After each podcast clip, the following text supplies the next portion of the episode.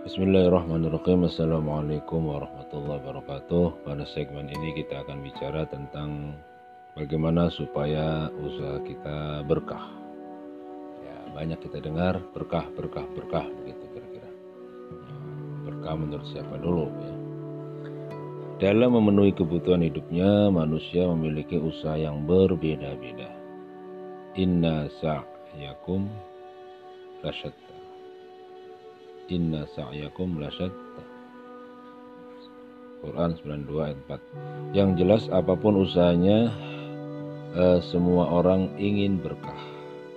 Berkah artinya bertambah baik, maju dan berkesinambungan ulangi, berkah artinya bertambah baik, maju dan berkesinambungan. Satu hal yang menghalangi keberkahan hidup adalah melakukan praktik riba. Riba artinya kelebihan yang disyaratkan atas suatu transaksi. Ya. Quran mengatakan, ya, Wailul lil mutaffifi, celakalah orang yang curang. Jadi riba itu sebetulnya berbuat curang. Alladzina idza talu 'ala an-nas yastawfun wa idza kaluhum aw wazanuhum yukhsirun. Jadi kalau nimbang untuk uh, kita atau kita minta ditimbangkan itu minta dilebihkan. Begitu kita nimbang untuk orang lain, kita kurangi, ya, curang lah riba itu kecurangan yang yang diakatkan memberi pinjaman dengan syarat ada kelebihan itu juga termasuk riba Al-Quran menjelaskan bahwa pemakan riba itu seperti orang kemasukan setan, kesurupan. Kita lihat orang kesurupan kan, waduh, kejang-kejang, melotot-melotot, dan sebagainya. Nggak bisa berdiri tegak. Jauh dari ketentraman. Maka Islam melarang riba dan menghalalkan jual beli. Al-Baqarah 275 itu. Nah, solusinya bagaimana? Solusi atas riba adalah sedekah. Sodakoh. Ya. Sodakoh itu solusi dari riba karena ayat tentang uh, riba dan sodakoh itu beriringan dengan banyak sedekah akan Allah tumbuhkan ketentraman dan kedamaian serta kemudahan demi kemudahan. Dengan sedekah akan diberikan kemudahan demi kemudahan. Ya. Oleh karena itu, agar usaha kita berkah, maka laksanakan satu hal dan hindari hal lain. Apa satu hal itu? Biasakan bersodakoh, biasakan infak, dan hindari riba. Nah, memulai usaha dengan bersodakoh. Memulai satu keinginan dengan bersodakoh. Kalangan sodakoh itu akan uh, menenteramkan jiwa. Dengan jiwa yang tentram, jiwa yang tenang, maka bisa akan berpikir jernih berpikir cerdas karena selalu minta petunjuk kepada Allah. Ibarat dalam sebuah perusahaan ya.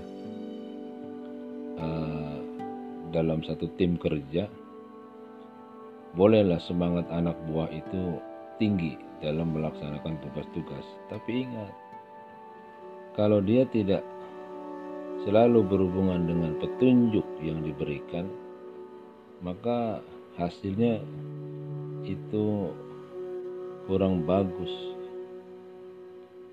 Bagusnya pun gak diakui karena dia nggak koordinasi, ya apalagi jeleknya. Nah dalam kehidupan kita ini kita berusaha apa pun, bekerja apa pun, jangan lupa minta petunjuk kepada Allah minta diberikan yang terbaik dalam usaha kita. Ya.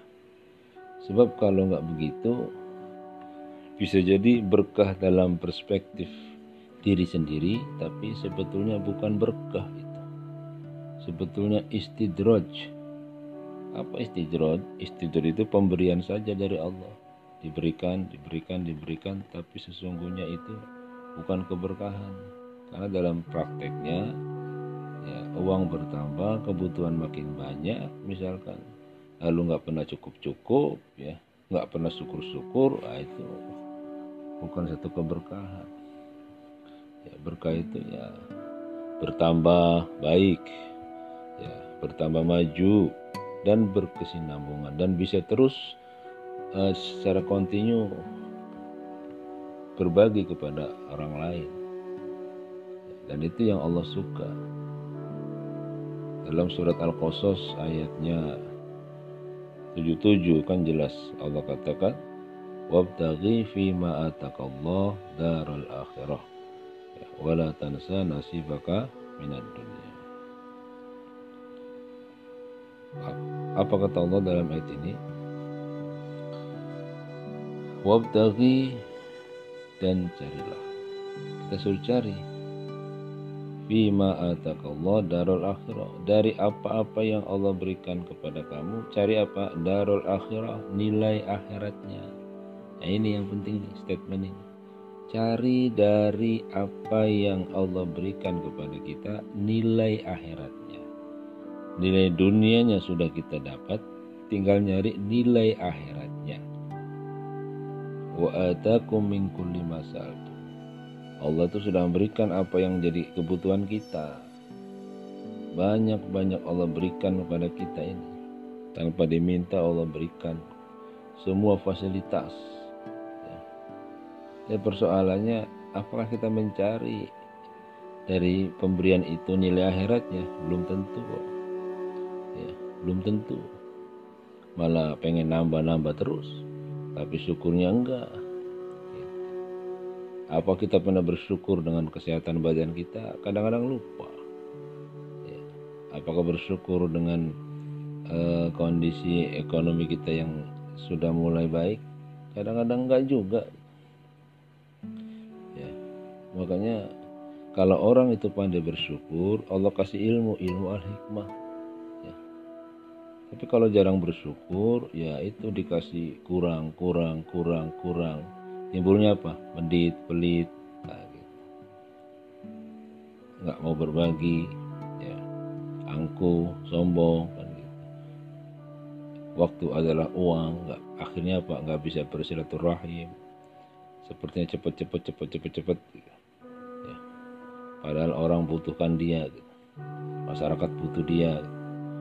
ya, tapi karena terikat ya, oleh keinginan yang gak pernah habis-habisnya sehingga tidak lagi menjadi manusia biasa yang gampang bersilaturahim berbagi menjadi manusia yang seolah-olah besar sendiri kan gitu. Sama dengan orang yang yang naik itu mendaki gunung. Sudah sampai di puncak dia ngeliat ke bawah kecil. Ya. manusia-manusia yang di bawah itu kecil padahal dia nggak sadar dia juga dilihat kecil oleh manusia-manusia yang di bawah gunung itu.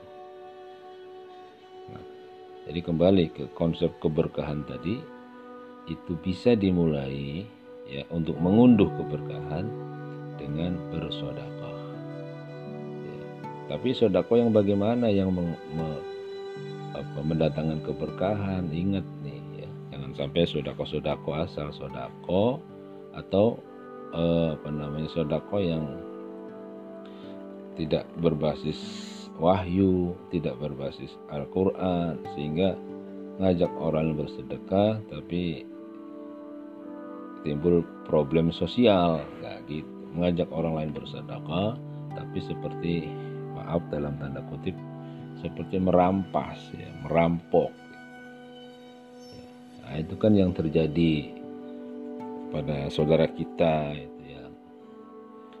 Menganjurkan bersodako bersodako tapi nggak didasari dengan uh, eh, SOP ayat kan gitu. Kamu punya apa? Motor sedekain motornya. Nggak punya motor lagi nggak bisa usaha ngojek lagi dia. Ya. kau punya apa? Mobil sedekain mobilnya. Nanti Allah ganti. Eh soal Allah ganti mah gak usah diajarin pasti itu udah janji Allah. Tapi bahwa akhirnya dia menjadi kesulitan karena nggak punya motor nggak punya mobil. Itu akibat konsep sedekah yang salah begitu. Kau punya apa? Punya rumah? Sedekain. Nanti Allah ganti 10 lipat rumah itu. Gitu. akhirnya dia nggak punya rumah lagi. Tidur di masjid. Ya Allah maka dari itu hadirnya berbahagia ya. Jangan pernah pengalaman-pengalaman kita ini menjadi syariat baru. Paham maksud saya ya? Jangan menjadikan peristiwa-peristiwa yang hakikat menjadi sebuah syariat. Ini yang kemudian menjadi eh, apa per problem di masyarakat. Gitu. Sama seperti kisah ada seorang pelacur kan? Lalu eh, dia membantu ya.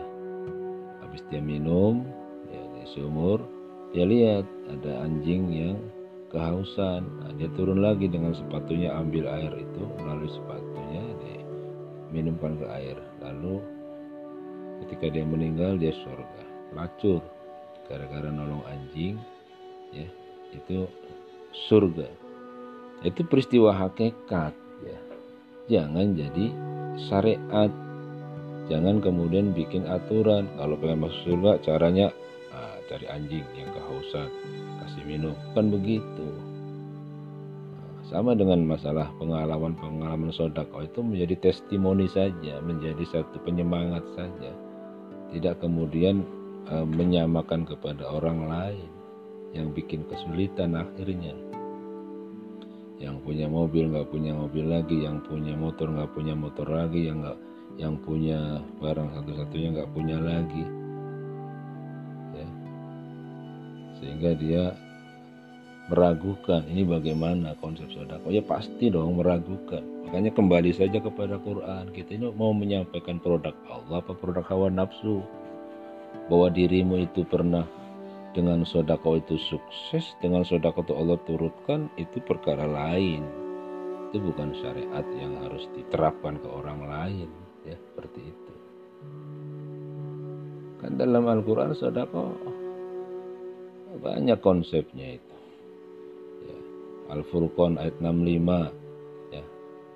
Sodako itu ya jangan terlalu banyak berlebihan dan juga jangan terlalu pelit pelit ya. Antara-antara itu saja. Sebab nanti apa? Allah Maha tahu. Jangan sampai nanti malah melebihi Eh, ketentuan itu sehingga berdampak sosial. Kan akhirnya sekarang problem. Banyak orang nuntut. Kan gitu. Oleh karena itu sudahlah gitu ya. Akhiri semua hal-hal yang tidak berdasarkan al Al-Quran. Biar berkah. Ya buat apa kelihatan kaya kelihatan wah kelihatan mewah. Tapi hati kita nggak tenang nggak tentram karena diburu-buru orang ya. Karena dicari-cari orang ya. Karena pasti dong ada hubungan itu antara apa yang kita lakukan ya. Dan pasti ada hubungan dengan kesalahan kita dalam membuat konsep-konsep sodako seperti itu apa sih sodako kita tanya lagi kan begitu Ya kalau kita kembali ke asal kata kan ada tiga istilah kan sodako, ada infak, ada zakat. Kalau ibarat di file komputer itu namanya sodako itu foldernya, foldernya namanya sodako. Berbuat benar, ya. sodako. Lalu ketika klik sodako, mewujud jadi dua ada infak ada zakat nah, gitu. kalau orang me melakukan infak ya, itu artinya dia sudah bersodako nah, kalau orang bersodako bisa jadi bentuknya bukan infak tapi zakat maka ketika orang bersedekah itu bisa berupa infak bisa berupa zakat gitu. ya, kalau infak posnya kan beda zakat posnya beda kalau posnya infak Al-Baqarah 215 ada lima kan di situ kalau zakat posnya di mana? 9 ayat 60. Ya, ada 8 asnaf. Nah itu harus paham. Ya gimana paham kalau Quran nggak pernah disampaikan? Ceramah ke sana kemari nggak nyampaikan ayat, nyampaikan apa kalau gitu? Iya. Nyampaikan apa? Nyampaikan cerita, nyampaikan pengalaman, nyampaikan apa-apa yang nggak nggak tahu nggak ada dasar kan sementara dakwah itu apa? Dakwah itu menyampaikan firman Allah. Fadzakir bil Quran. Ingatkan manusia dengan al Al Quran jangan lepas itu Quran. Bisa jadi orang-orang yang menyampaikan pesan-pesan agama itu belum dikatakan dakwah masih berdagang. Gitu. Kenapa? Cirinya dagang ada tran transaksi berapa DP-nya berapa pelunasannya kapan nah, begitu. Kita bukan bicara boleh nggak boleh itu tapi dalam ranah dakwah ya kita melaksanakan perintah Allah gitu. harusnya orang-orang yang berdakwah itu punya prinsip. Apa prinsipnya? Selagi saya bisa ada waktu kita akan sampaikan kita akan uh, kunjungi tempat itu. Bukan prinsipnya siapa yang bisa memberikan transport lebih ya. Ya meskipun kita butuh tapi kan Allah tahu. Makanya di Quran itu sampai 16 kali nabi-nabi itu kalau berdakwah itu menyampaikan wa ma as'alukum min ajrin in ajriya illa 'ala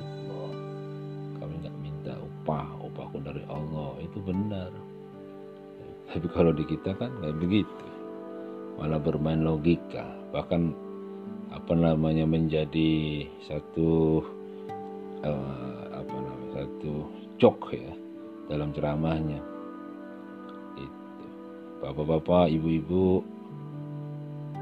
kalau saya sih ikhlas saja namanya dakwah ini kan wajib.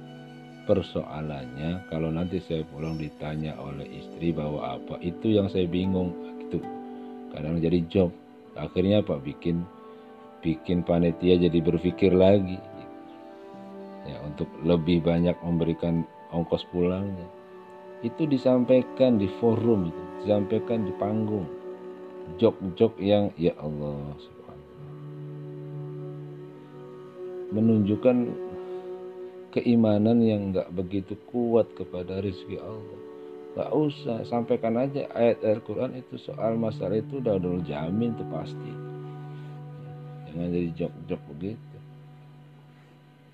Bapak-bapak, ibu-ibu, barusan saya ceramah di sebuah kampung, kampung kecil, rakyatnya, waduh, masyarakatnya ya sangat sederhana lah gitu tapi alhamdulillah berkat-berkat rahmat Allah sebelum saya ke sini nih saya dikasih amplop. Berapa coba Bapak Ibu? 2 juta.